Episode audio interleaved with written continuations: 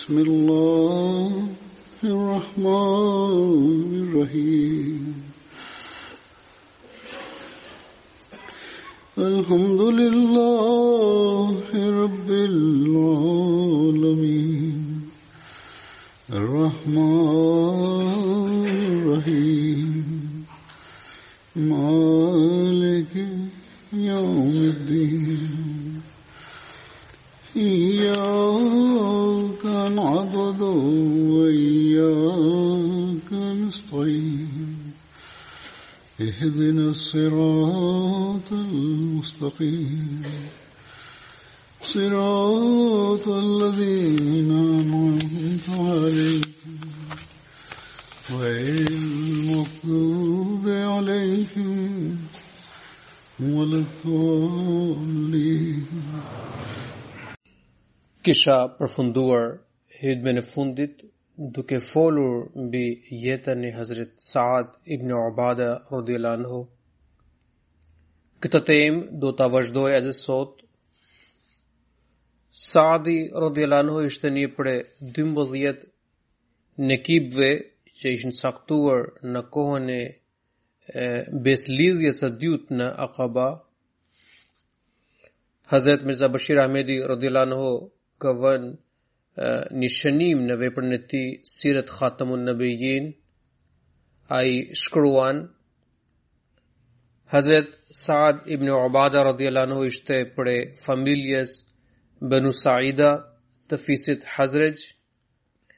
Ai ishte kryetari i mbarë fisit Hazrexh dhe prej sahabëve më të shquar të të dërguarit të Allahut sallallahu alaihi wasallam nga eh, radha e ensarëve. Ai ishte një prej atyre ensarëve, emrat e të cilëve ishin propozuar për kalifat pas vdekjes së të dërguarit të Allahut sallallahu alaihi wasallam. Hazret Saadi ndërroi jetë në periudhën e kalifatit të Omerit radhiyallahu anhu. Kur Saad ibn Ubadia radhiyallahu anhu Munzir ibn Amri radhiyallahu anhu dhe Abu Duxhana radhiyallahu anhu kishin pranuar Islamin nga Banu Saida, ata kishin shembur krejt idhujt e fisit. Kur i dërguari i Allahut sallallahu alaihi wasallam mërgoi nga Mekka dhe kaloi pranë fisit Banu Saida në Medinë, Saad ibn Ubadia radhiyallahu anhu Munzir ibn Amri radhiyallahu anhu dhe Abu Duxhana radhiyallahu anhu iu lutën profetit sallallahu alaihi wasallam që ai të qëndronte në shtëpitë e tyre përderisa ata ishin me pozitë, kishin pasuri, fuqi dhe autoritet. Saad in ibn Ubadia radhiyallahu anhu iu drejtua profetit sallallahu alaihi wasallam dhe i tha: O i dërguar i Allahut, Nuk ka asnjeri në popullin tim që të ketë më shumë kopshte hurmash dhe puse uji se unë. Përveç begatisë, gëzoj autoritet dhe mbështetje të madhe. I dërguari i Allahut sallallahu alaihi wasallam iu përgjigj, o Abu Thabit, liroje rrugën për devenë time. Sot ajo është nën urdhrin e Zotit dhe është e lirë të shkojë aty ku i pëlqen.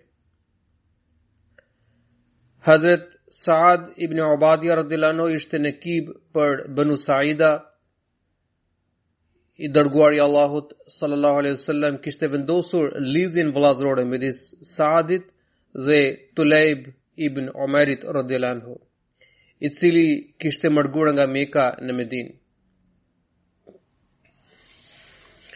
Ndërsa, sipas Ibn Ishakut, i dërguari i Allahut sallallahu alaihi wasallam kishte vendosur kishte vendosur lidhje vëllazërore midis Saad ibn Ubades dhe Abu Dharr Ghafarit radhiyallahu anhu.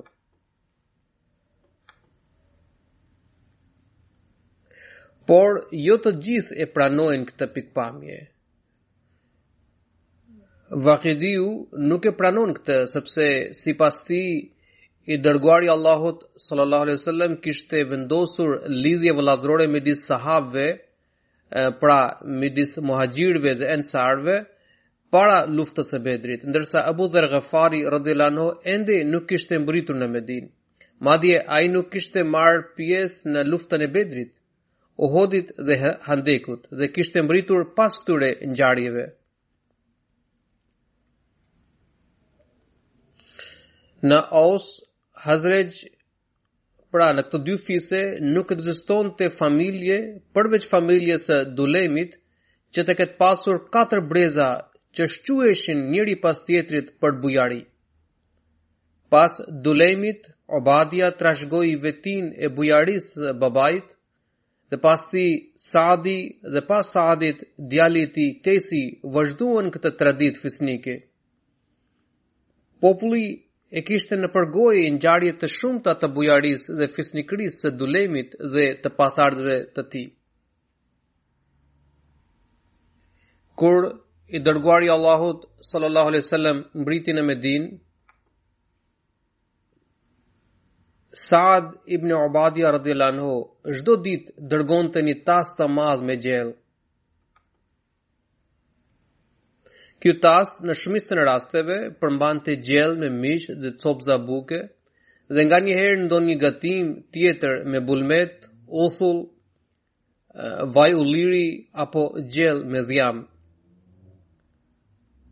Tasi që vinte nga shtëpia e Saad ibn Ubades radhiyallahu anhu sillej me të dërguarin e Allahut sallallahu alaihi wasallam nëpër shtëpitë e bashkëshorteve të tij në varësi të radhës. Në disa hadithe përmendet se profeti e sallallahu alaihi wasallam ka pasur raste kur nuk kishte asgjë për të ngrënë për ditë të tëra. Pra nuk gatuhej asgjë në shtëpinë e tij. Ndoshta gjatë këtyre ditëve Saadi radhiyallahu anhu shpesh dërgonte ushqim në shtëpinë e të dërguarit të Allahut sallallahu alaihi wasallam. Mundet se kjo gjendje duhet të ketë qenë në ditët e para të profetit sallallahu alajhi wasallam në Medinë, pra gjatë kohës kur profeti sallallahu alajhi wasallam kishte ardhur e, e, në Medinë, në ditët e para duhet të ketë qenë kjo kjo kjo, kjo situatë dhe kjo gjendje. Megjithatë ekziston dhe një mundësi tjetër që sipas së cilës për shkak të bujarisë dhe dhembshurisë së profetit sallallahu alajhi wasallam, që ai u jepte gjithçka nevojtarëve, të varfërve apo edhe musafirëve dhe nuk i mbetej asgjë në shtëpi.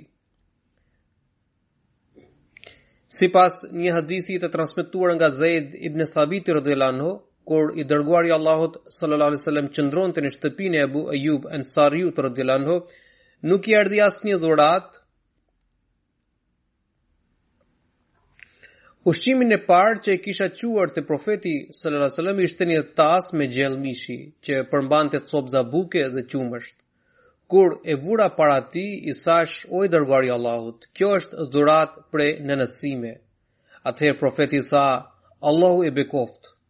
Pastaj ai ftoi sahabët e tij dhe ata iu bashkuan në gosti. Teksa po dilja nga dera, erdhi Saad ibn Ubada radhiyallahu anhu me një kazan të madh, të cilin e mbante shërbëtori i tij mbi kokë. Unë isha te dera e Abu Ayyub Ansariut radhiyallahu anhu dhe zgjata dorën për të ngritur mbulesën e kapakut e, nga kureshtja që të shikoja që se çfarë mbante kazani. Ai mbante gatimin tradicional therid me copëza të mëdha mishi. Ai shërbëtor e la atë para profetit sallallahu alaihi wasallam.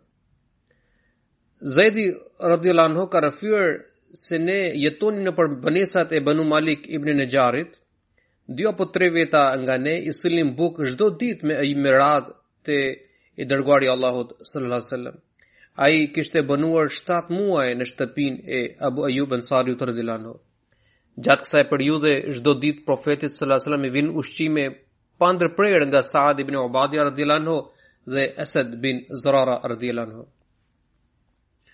Kjo hadith tregon se Profetit sallallahu alaihi wasallam i vinin ushqime nga familjet e Ansarëve vetëm gjatë 7 muajve, kur ai banonte në shtëpinë e Abu Ayyub Ansariut radhiyallahu anhu. Ndoshta sahabët i dërgonin ushqim edhe pas kësaj periudhe, por jo në mënyrë aq të rregullt.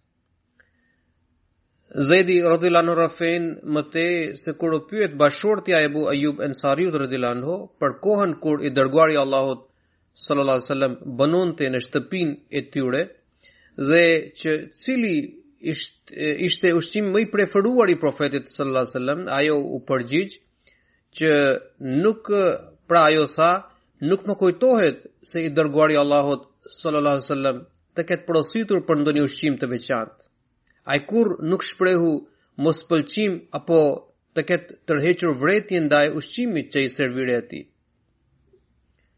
Zaidi radhiyallahu anhu transmeton se Ayubi radhiyallahu anhu ka thënë se një natë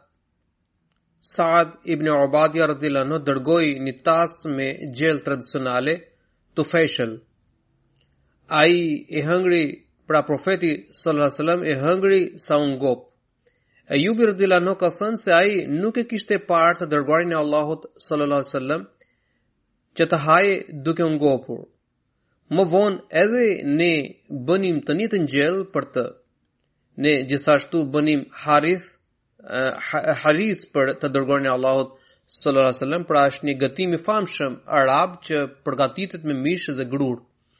Profeti e profetit sallallahu alaihi wasallam i pëlqente ky gatim dhe në darkë ai shoqërohej nga 5 deri në 16 veta në varësi të sasisë së ushqimit. I dërguari i Allahut sallallahu alaihi wasallam kishte banuar 7 muaj në shtëpinë e Abu Ayyub Ansariut radhiyallahu anhu. Ndërsa sipas Ibn Ishaqut, profeti sallallahu alaihi wasallam kishte qëndruar në këtë shtëpi deri në muajin Safar të vitit të dytë pas Hixhretit. Kjo tregon se profeti sallallahu alaihi wasallam kishte banuar në këtë shtëpi derisa u ndërtuan xhamia e tij dhe shtëpitë e tjera rreth saj. Ebu Ejubi Ansariu radhiyallahu anhu, kujdesej për ushqimin e të dërguarit të Allahut sallallahu alaihi sallam, për shkak të dashurisë dhe besnikërisë ndaj profetit sallallahu alaihi sallam, ai gjithmonë hante prej ushqimit që mbetej nga sofra e profetit sallallahu alaihi sallam dhe mundohej të hante nga i njëjti vend ku kishte ngrënë profeti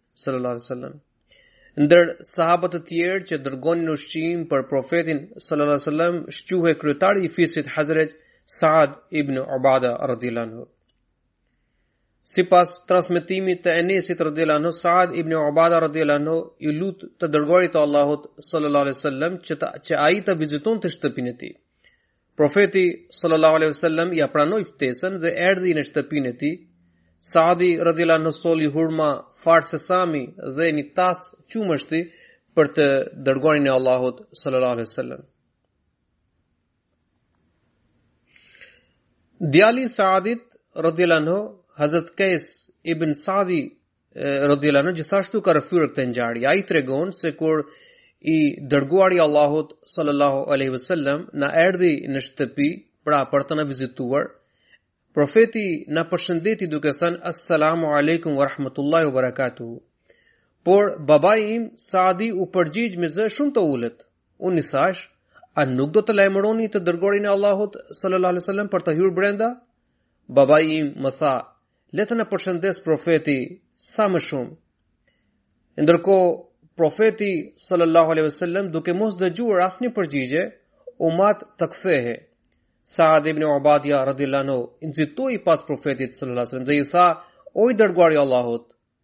Unë po dëgjoja kur na bënit selam, por përgjigjesha me zë me zë të ulët, që të na bënit më shumë selam. Kështu profeti sallallahu alaihi wasallam erdhi i shoqëruar nga Saadi radhiyallahu anhu. Profeti bëri ghusl, pra bëri e, e, e lau trupin në shtëpinë e tij, pra profeti u la në shtëpinë e tij pastaj Saadi radhiyallahu anhu i solli profetit shafran dhe një mbulesë të lyer në të verdhë me bimën e Javersit të Jemenit i dërguari i Allahut sallallahu alaihi wasallam e mbështolli re atë pra mbulesën rreth trupit dhe tha o Allah mëshiroje dhe bekoji fëmijët e Saad ibn Ubades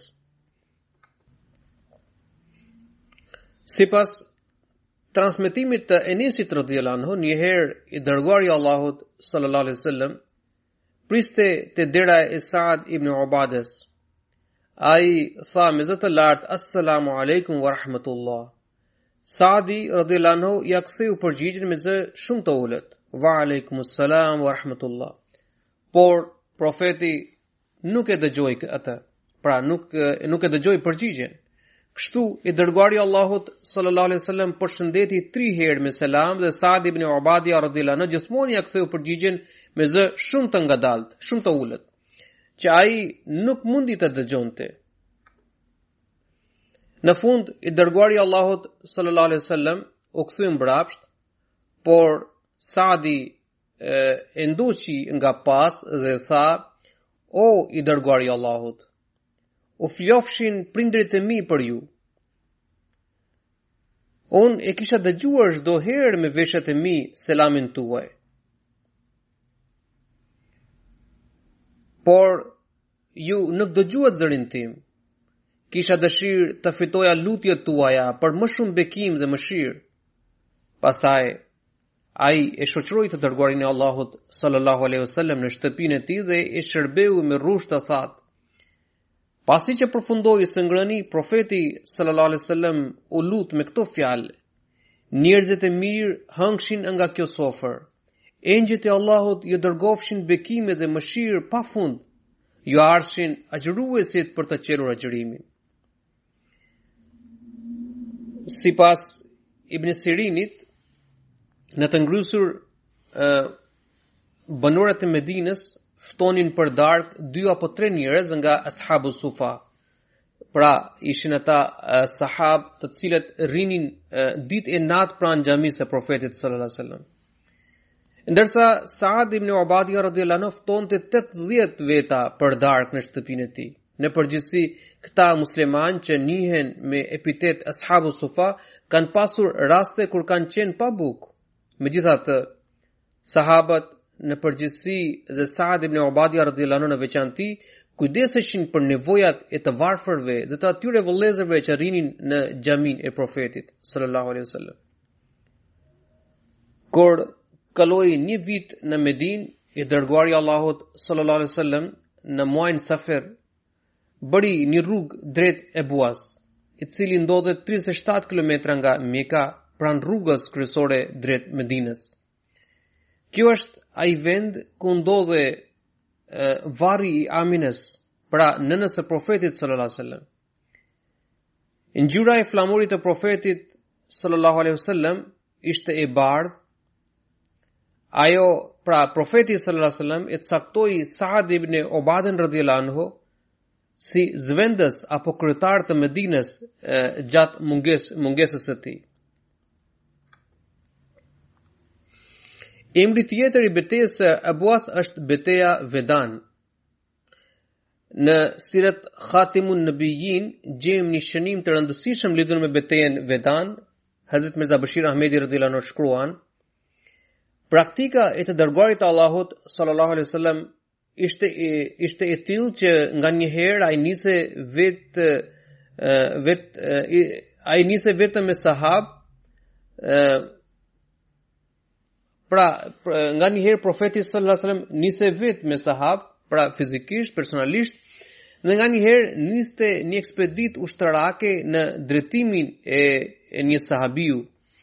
Pra, nuk shkonte vetë, por dërgonte dikë tjetër dhe caktonte dikë si udhëheqës të asaj ekspedite.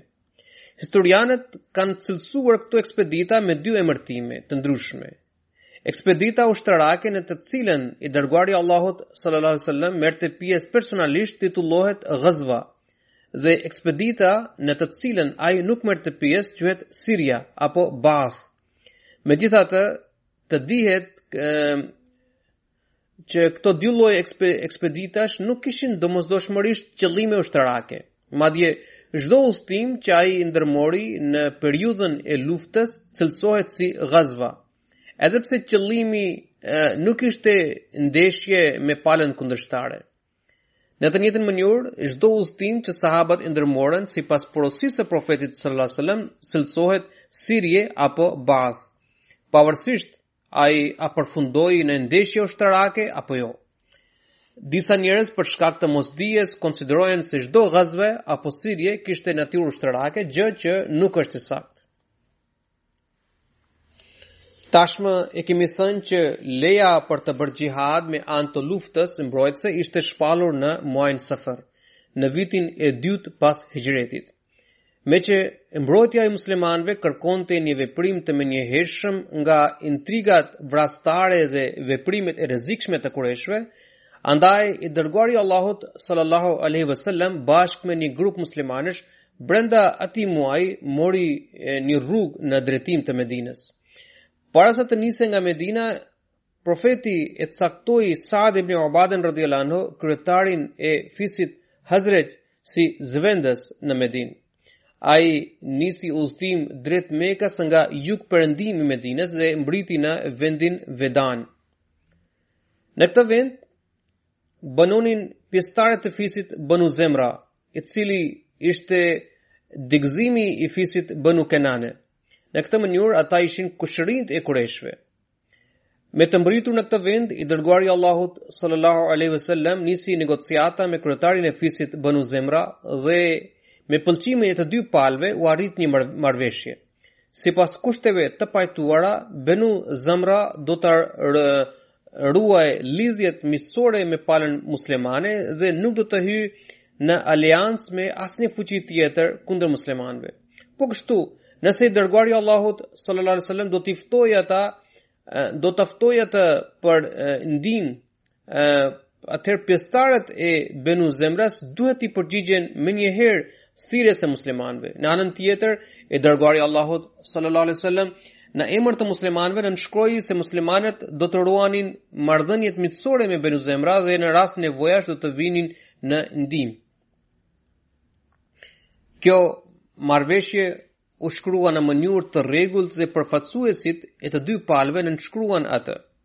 Kështu, pas një mungese e 15 ditore, i dërguari i Allahut sallallahu alaihi wasallam u kthye sërish në Medinë.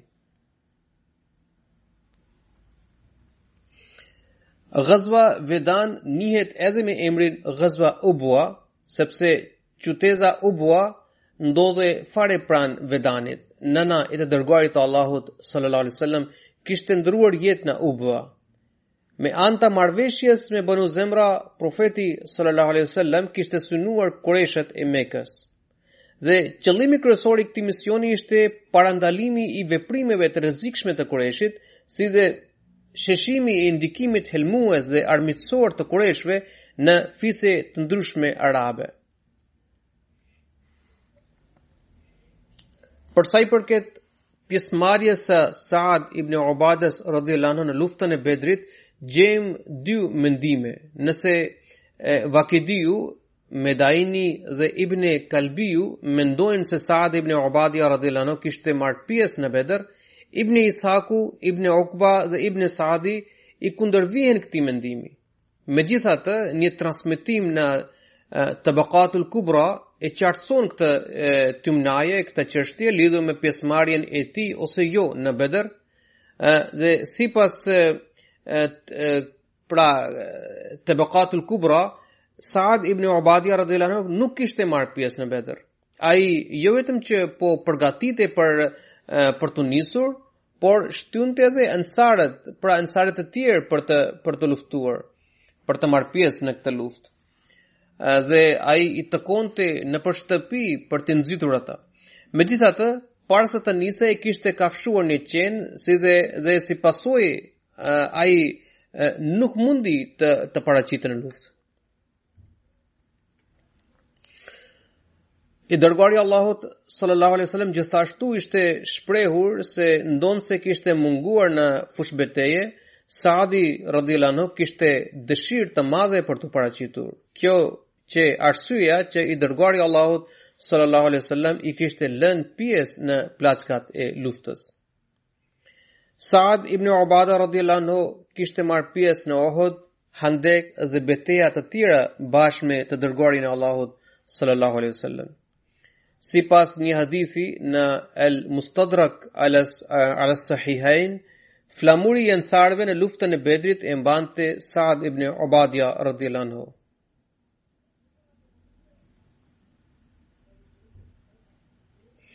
Para se të nisej në luftën e Bedrit, Saad ibn Ubadia radhiyallahu anhu kishte, i kishte dhuruar të dërguarit të Allahut sallallahu alaihi wasallam një shpatë me titullin Adeb.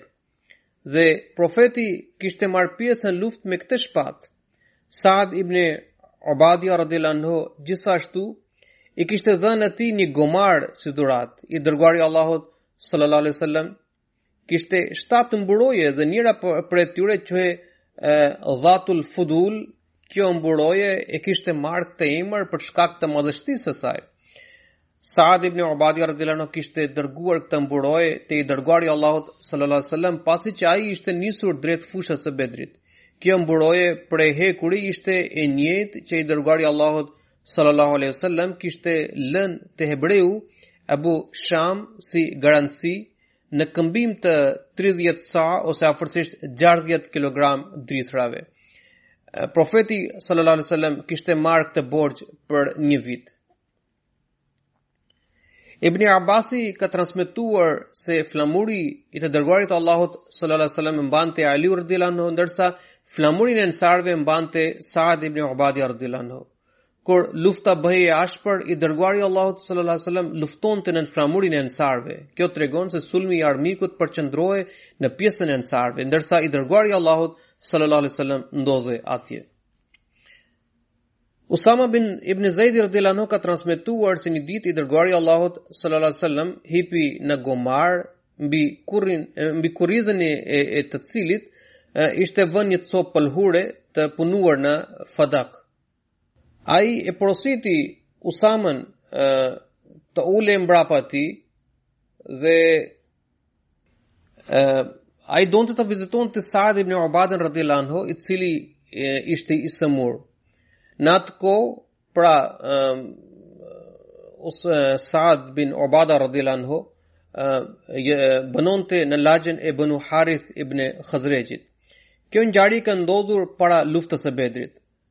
Gjatë udhëtimit, ata kaluan pranë kuvendit të Abdullah ibn Ubay ibn Selulit, pra ai akoma nuk e kishte pranuar Islamin. Në këtë ngjarje, Abdullah ibn Ubay ibn Seluli ishte treguar i pasjellshëm ndaj të dërguarit të Allahut sallallahu alaihi wasallam, teksa po shkonte me gomar, kjo pra gom, gomari ngriti pluhur Nga nga lëvizja e, e gomarit u ngrit pluhur që e mbuloi edhe vendin ku uleshin ata njerëz pranë rrugës. Abdullah ibn Ubay i vuri fytyrës pëlhurën dhe u shpreh që të mos ngrihej pluhur. Profeti sallallahu alajhi wasallam u ndal, zbriti nga gomari dhe i përshëndeti me selam. Ai I bëri thirrje për Islam dhe u lexoi ajete nga Kurani. Abdullah ibn Ubay iu përgjigj profetit sallallahu alaihi wasallam se duke thënë se nuk ka fjalë më të mira se këto që keni thënë, por nëse janë të vërteta, mos na bezdisni, mos na bezdisni me fjalë të tilla. Pra, këtë ngjarje, thotë Huzuri, e kam rrëfyer edhe më parë, Abdullah ibn Rawaha radhiyallahu anhu gjithashtu ndodhej atje. Ai tashmë kishte pranuar Islamin dhe dëgjonte këtë bisedë. Ai ndërhyri dhe tha: "O i dërguari i Allahut, përkundrazi neve na pëlqen që të zbukuroni kuvendet tona me praninë tuaj dhe të na përcillni këto fjalë." Kjo nxiti polemikë midis muslimanëve hebrenjve, dhe idhujtarëve të tjerë dhe ata u fjalosën rëndë kundër njëri-tjetrit për shkak pra për për pak sa nuk u kacafytën e u përleshën. Profeti sallallahu alaihi wasallam i uli gjakrat dhe vazhdoi udhën derisa mbërriti te Saad ibn Ubada radhiyallahu anhu. Ai e pyeti Saadin dhe tha: "O Saad, a ke dëgjuar atë që Abu Hubabi më ka thënë sot?" Pra, ai pyeti për Abdullah ibn Ubay ibn Salulin dhe ia rrëfeu gjithçka që kishte ndodhur. Sa'd Sa'd ibn Ubada radhiyallahu anhu iu përgjigj dhe, dhe tha o i dërguari i Allahut. Ju lutemi mos ia përfillni fjalët dhe faleni atë për për këtë gabim. Betohem në Allah, i cili ju ka zbritur libër dhe ju ka sjellë këtu me të vërtetën, banorët e këtij qyteti kishin vendosur t'i vinin kurorë dhe ta zgjidhnin atë si udhëheqës, por kur Allahu nuk e pranoi këtë, ai tashmë po digjet për brenda nga inati dhe smira. Profeti sallallahu alajhi wasallam dëgjoi fjalët e Saadit dhe iu shmang Abdullah ibn Ubay ibn Selulit.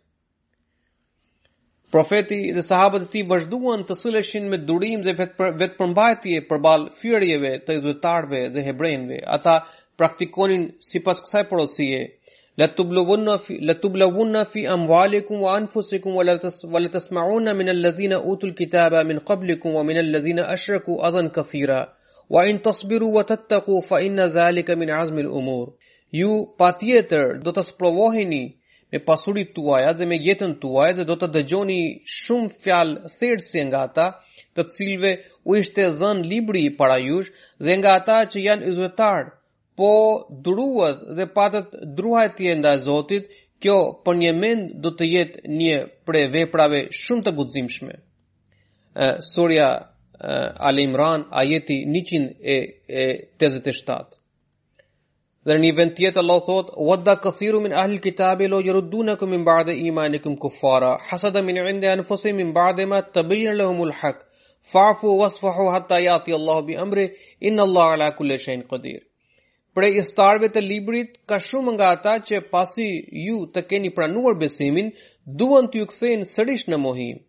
Kjo për shkak të smirës që buron prej zemrave të tyre, edhe pse atyre u është bërë e qartë e vërteta. Andaj, falini dhe tolerojini derisa Allahu të shfaqë vendimin e tij. Allahu pa dyshim ka fuqi të plotë mbi çdo gjë që dëshiron. Surja Al-Bakare Ajeti 110. I dërguari i Allahut sallallahu alaihi wasallam gjithmonë sillej me falje dhe tolerancë, ashtu siç e kishte porositur Allahu.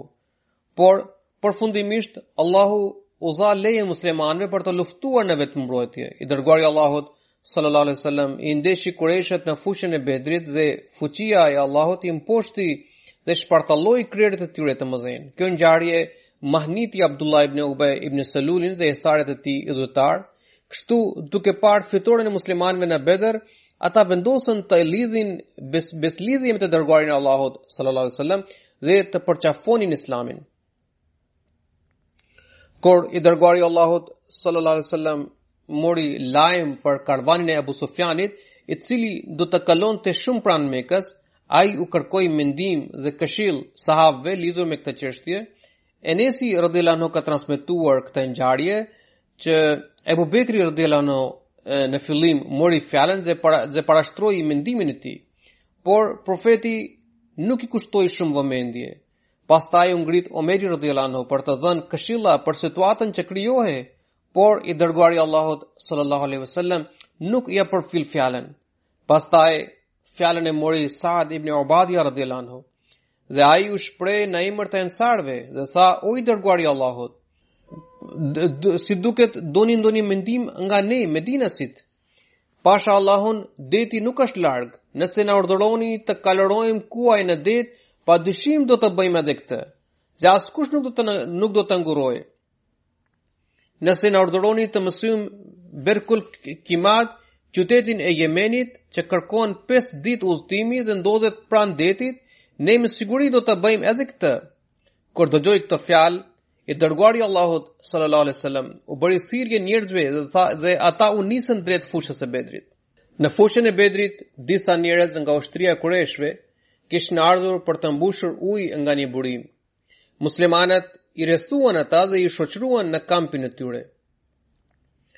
Pra, për të për t'i marrë ata në pyetje. Ndër ata ishte një djalosh me ngjyrë nga Banu Haxhaxhi, meqë muslimanët fillimisht kishin njohuri vetëm për karvanin apo ushtrinë e Abu Sufjanit, andaj sahabat e hetonin atë djalosh për të zbuluar të dhënat lidhur me Abu Sufjanin.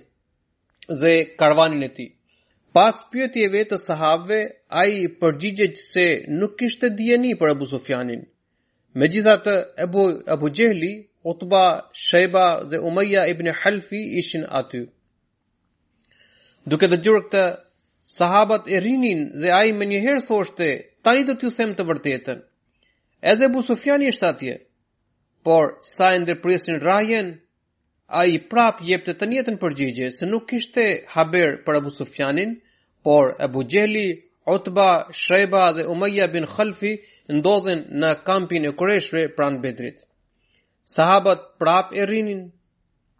I dërguari i Allahut sallallahu alaihi wasallam po falte namaz dhe dëgjonte këtë bisedë. Ai ndërpreu namazin dhe tha: "Pasha Allahun, Kur ai ju rrëfen të vërtetën, ju e rrihni, dhe kur gënjen, ju e ndërprisni rrahjen.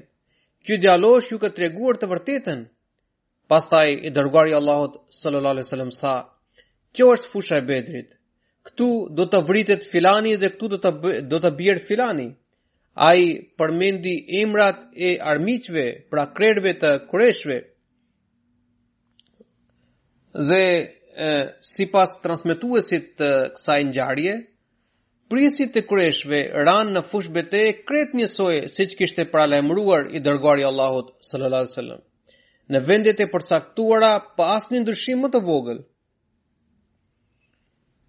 Një ditë para luftës së Uhudit, në mbrëmjen e së premtes, Saad ibn Muadhi radhiyallahu anhu, Usaid ibn Hudayri radhiyallahu anhu dhe Saad ibn Ubadia radhiyallahu anhu qëndronin të armatosur deri në dhëmb jashtë xhamisë së Profetit sallallahu alaihi wasallam në Medinë dhe kishin bërë roje tërë natën.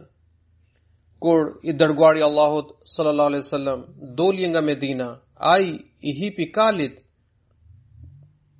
vuri hark në sup dhe mori shtizë në dorë, Saad ibn Muadhi dhe Saad ibn Ubada radhiyallahu anhu vraponin para tij me mburoje, ndërsa sahabët e tjerë qëndronin në të djathtë dhe në të majtë të profetit sallallahu alaihi wasallam. Hazrat Mirza Bashir Ahmedi radhiyallahu anhu ka përshkruar rrethanat e luftës së Uhudit me këto fjalë, ai shkruan: I dërguari i Allahut sallallahu alaihi wasallam doli nga Medina pas namazit të iqindisë me ushtri të madhe muslimanësh. Krerët e fiseve Aus dhe Khazraj, Saad ibn Muadhi dhe Saad ibn Ubada rendnin para kalit të të dërguarit të Allahut sallallahu alaihi wasallam, ndërsa sahabët e tjerë marshonin nga e djatha, nga e majta dhe mbrapa tij. Saad ibn Ubada radhiyallahu anhu ishte prej atyre sahabëve që qëndruan besnikërisht dhe trimërisht pranë të dërguarit të Allahut sallallahu alaihi wasallam. Kur profeti sallallahu alaihi wasallam u kthye në Medinë nga lufta e Uhudit, ai zbriti nga kali dhe hyri në shtëpi duke u mbështetur në krahun e Saad ibn Muazit dhe Saad ibn Ubadas radhiyallahu anhu. Ekspedita Hamraul Esed ishte zhvilluar në muajin Shawwal të vitit 3 pas Hijretit. Pas kthimit nga lufta e Uhudit, ushtria e Kureshve kishte zbritur në Roha, e cila ndodhej 58 kilometra larg Medinës, Këtu ata morën vendimin se meqë ata u kanë shkaktuar Medinasve, pra muslimanëve dëm të thellë, andaj nëse mësynin befasisht Medinën, muslimanët kurrë nuk mund të qëndronin para tyre. Ndërsa në anën tjetër i dërguari i Allahut sallallahu alaihi wasallam marshoi duke ndjekur kureshët dhe mbriti deri në Hamra ul Asad. Ai kishte parandier, pra kishte nuhatur hapin e ardhshëm të kureshëve, Prandaj Hamraul Esed, i cili ndodhet afro 13 kilometra larg Medinës në drejtim të Dhul Hulejfës, kur ushtria Kureshe mësoi lëvizjen e të dërguarit të Allahut sallallahu alaihi wasallam, ajo u zmbraps menjëherë drejt Mekës. Në vend që të kurreshin në Medinë, muslimanët u hodhën në sulm ndaj tyre.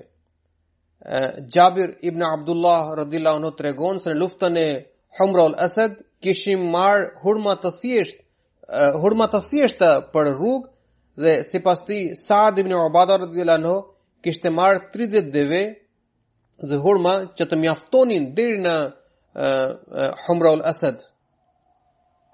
I dërguari i Allahut sallallahu alaihi wasallam kishte zhvilluar ekspeditën Banu Nazir në vitin e 4 të Hijretit dhe kishte rrethuar fortesat e hebrejve të fisit Banu Nazir për 15 ditë.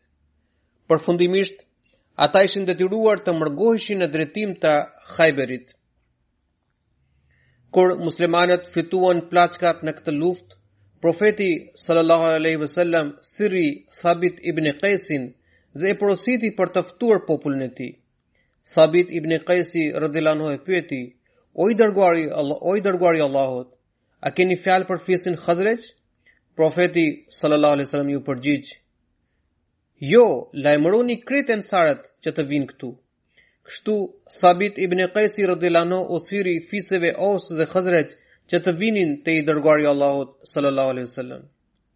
Profeti sallallahu alaihi wasallam në fillim madhroi Zotin, pastaj përmendi virtytet dhe mirësitë e ensarëve ndaj muhaxhirëve dhe se si i kishin strehuar në shtëpitë e tyre dhe u kishin epërsi, u kishin dhënë epërsi mbi nevojat e tyre. Pastaj ai i pyeti, nëse dëshironi dua të ndaj plaçkat e Banu Nazirit në mënyrë të barabartë midis jush dhe ensarëve. midis jush dhe muhaxhirëve. Në këtë mënyrë, muhaxhirët do të vazhdojnë të banojnë në shtëpitë tuaja, po ashtu do të mbeten në fuqi lidhjet vëllazërore midis jush. Por nëse dëshironi, do t'u jap këto këto pasuri vetëm muhaxhirëve dhe rrjedhimisht ata duhet të lëshojnë shtëpitë tuaja dhe do të shfuqizohen edhe rregullat e mëparshme që u jepnin të drejta të veçanta. Kur dëgjoi propozimin e të dërguarit të Allahut sallallahu alaihi wasallam, Sa'd ibn Muadhi radhiyallahu anhu dhe Sa'd ibn Ubada radhiyallahu anhu iu përgjigjen një zëri: O i dërguari i Allahut, ju lutemi, jepuni këto plaçka vëllezërve tanë muhaxhirë. Por ata le të qëndrojnë në shtëpitë tona, njësoj si më parë. Nuk kemi nevojë për asgjë nga këto plaçka. Vëllezërit tanë muhaxhirë do të gëzojnë të drejtat e tyre, njësoj siç kanë pasur deri më sot. Ensarët gjithashtu mbështetën vendimin e krerëve të tyre dhe u përgjigjën një zëri, O i dërguari i Allahut, ne pajtohemi me këtë zgjidhje dhe i bindemi këtij vendimi. I dërguari i Allahut sallallahu alaihi wasallam përshëndeti vendimin e tyre duke thënë o Allah mëshiroji ensarët dhe djemtë e tyre.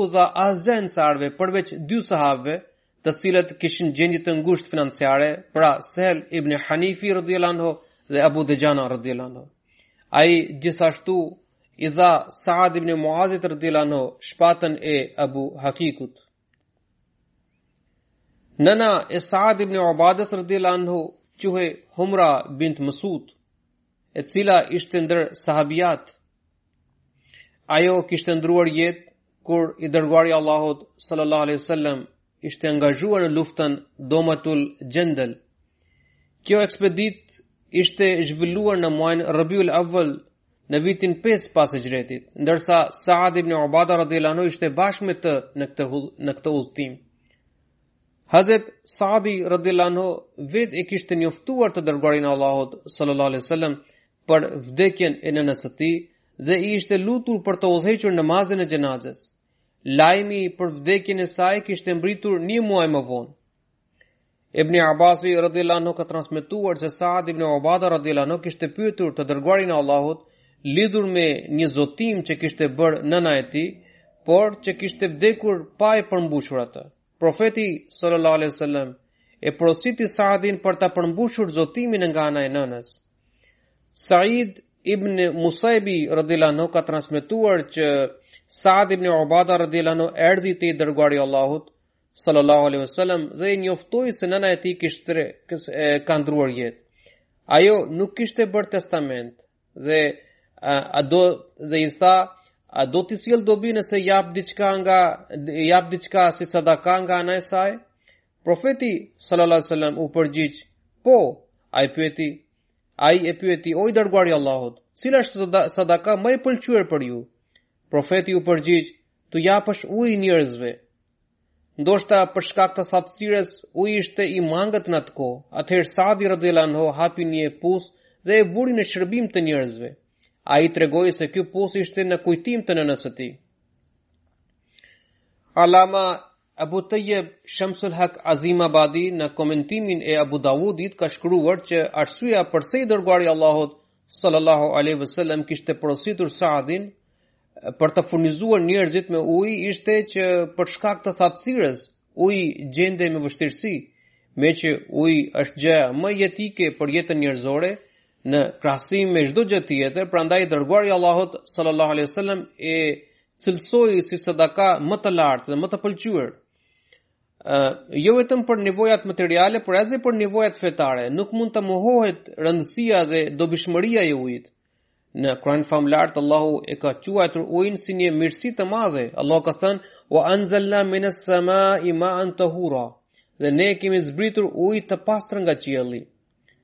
Sigurisht, uji ishte një gjë e çmuar në Medinë, për shkak të temperaturës së lartë, nevojës së madhe dhe mungesës së tij, Uji konsiderohej diçka me vlerë të jashtëzakonshme. Edhe sot, uji konsiderohet një pasuri të madhe dhe e, politika qeveritare synojnë synon mbrojtjen e burimeve ujore. Saadi radhiyallahu anhu jo vetëm që hapi një pus në ndihmë të qytetarëve, por bëri dhe vepra të tjera bamirëse. Ibn Abbasi radhiyallahu anhu ka transmetuar që nëna e Saad ibn Ubadës radhiyallahu anhu, i cili i përkiste Banu Saida, kishte ndërruar jetë. Ai në atë moment nuk gjendej pranë nënës, përkundrazi ishte në një betejë me të dërguarin e Allahut sallallahu alaihi wasallam. Prandaj shkoi te profeti dhe i tha: "O i dërguari i Allahut, nëna ime ka ndërruar jetë dhe nuk kam qenë pranë saj. Nëse jap diçka në sadaka, a do të sjellë sevap asaj, vepra ime? Profeti sallallahu alaihi wasallam iu përgjigj, po. Atëherë ai i tha profetit, o i dërguari i Allahut, jini dëshmitar se kopshti im Mihraf është sadaka nga ana e saj. Saad ibn Ubada radhiyallahu anhu dallohej për zemërgjerësinë dhe për bujarinë e tij. Ai me anë të sadakas dhe bamirësisë u vinte në ndihmë njerëzve të varfër dhe në nevojë. Inshallah, këtë diskutim dhe këtë temë do ta vazhdoj edhe në hutben e ardhshme.